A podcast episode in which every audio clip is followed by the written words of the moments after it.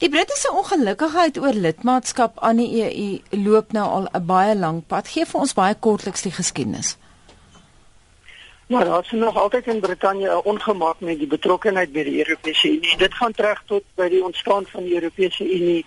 Ehm um, daar was in 1975 die eerste referendum gewees en daar het die Britte besluit om wel deel te word van die Unie. Maar dit het nog nooit die ongemak besweer nie en dan ook belangrik is dat die Britte is nie net soos die vastelandse Europese lede van die Europese Unie. Hulle gebruik hulle eie geld en 'n eenheid en hulle het nog altyd probeer om 'n meer onafhanklike houding en so 'n bietjie van 'n afstand met die Europese Unie te handhaaf. Maar maar dis 'n geskiedenis van ongemak met Europa wat baie ver teruggaan in die Britse geskiedenis. Ehm um, een wat gekenmerk is deur tye van konflik. En en dit is maar nog steeds teenwoordig in die die Britse hantering en benadering tot Europa. Maar Holland, hoekom wil die Britte juis nou kop uittrek? Wel daar's 'n hele paar krisisse wat die sentiment van 'n klomp mense na vore gebring het.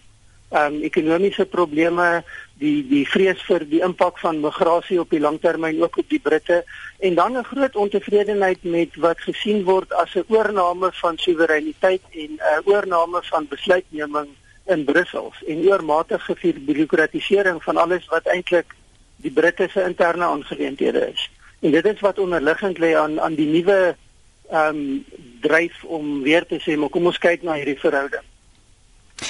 Roep Rupert Murdoch het hierdie idee baie sterk gesteun. As mens nou die Ponypers lees die afgelope paar maande, kan jy sien dat hulle ontsettend baie stukrag aan die beweging gegee het deur dit openlik te steun.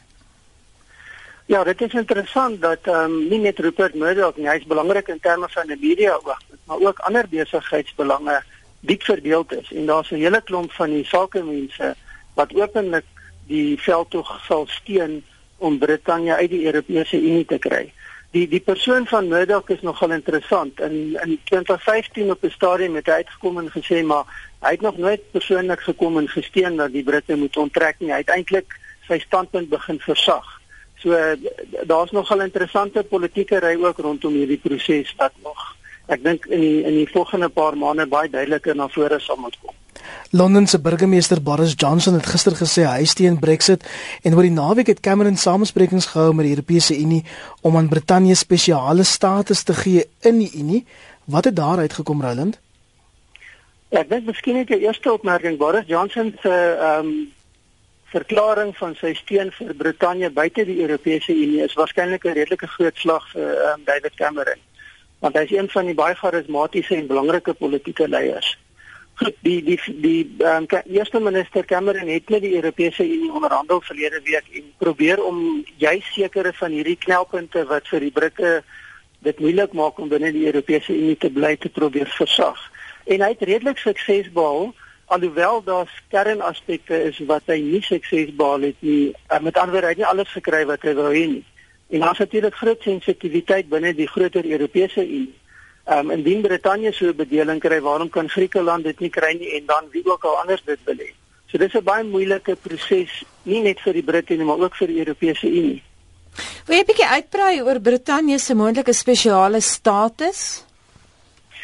Van die aspekte wat beding is is dat Brittanje sy status Londen se status as finansiële hoofstad in Europa verskans dat die Britte 'n uh, 'n soortige reëling het met ehm um, die toelating van migrante en dan spesifiek die die kostes daarvan.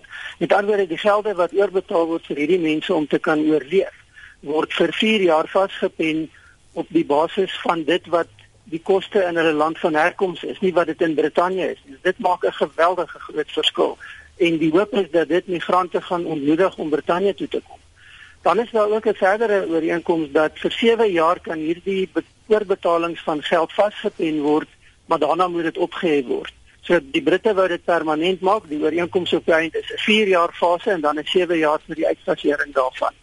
Ehm um, oor soewereiniteit is daar nie werklik vordering gemaak nie behalwe dat daar 'n nuwe voorstel is wat nou in die Europese Unie goedgekeur moet word.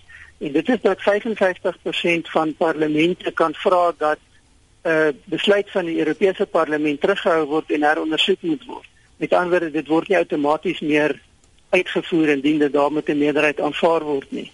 En dan is daar ook redelik wyd gepraat rondom die bureaukratiese prosesse en die geweldige bureaukratiese regulasies wat op lede van die Europese Unie van toepassing gemaak word.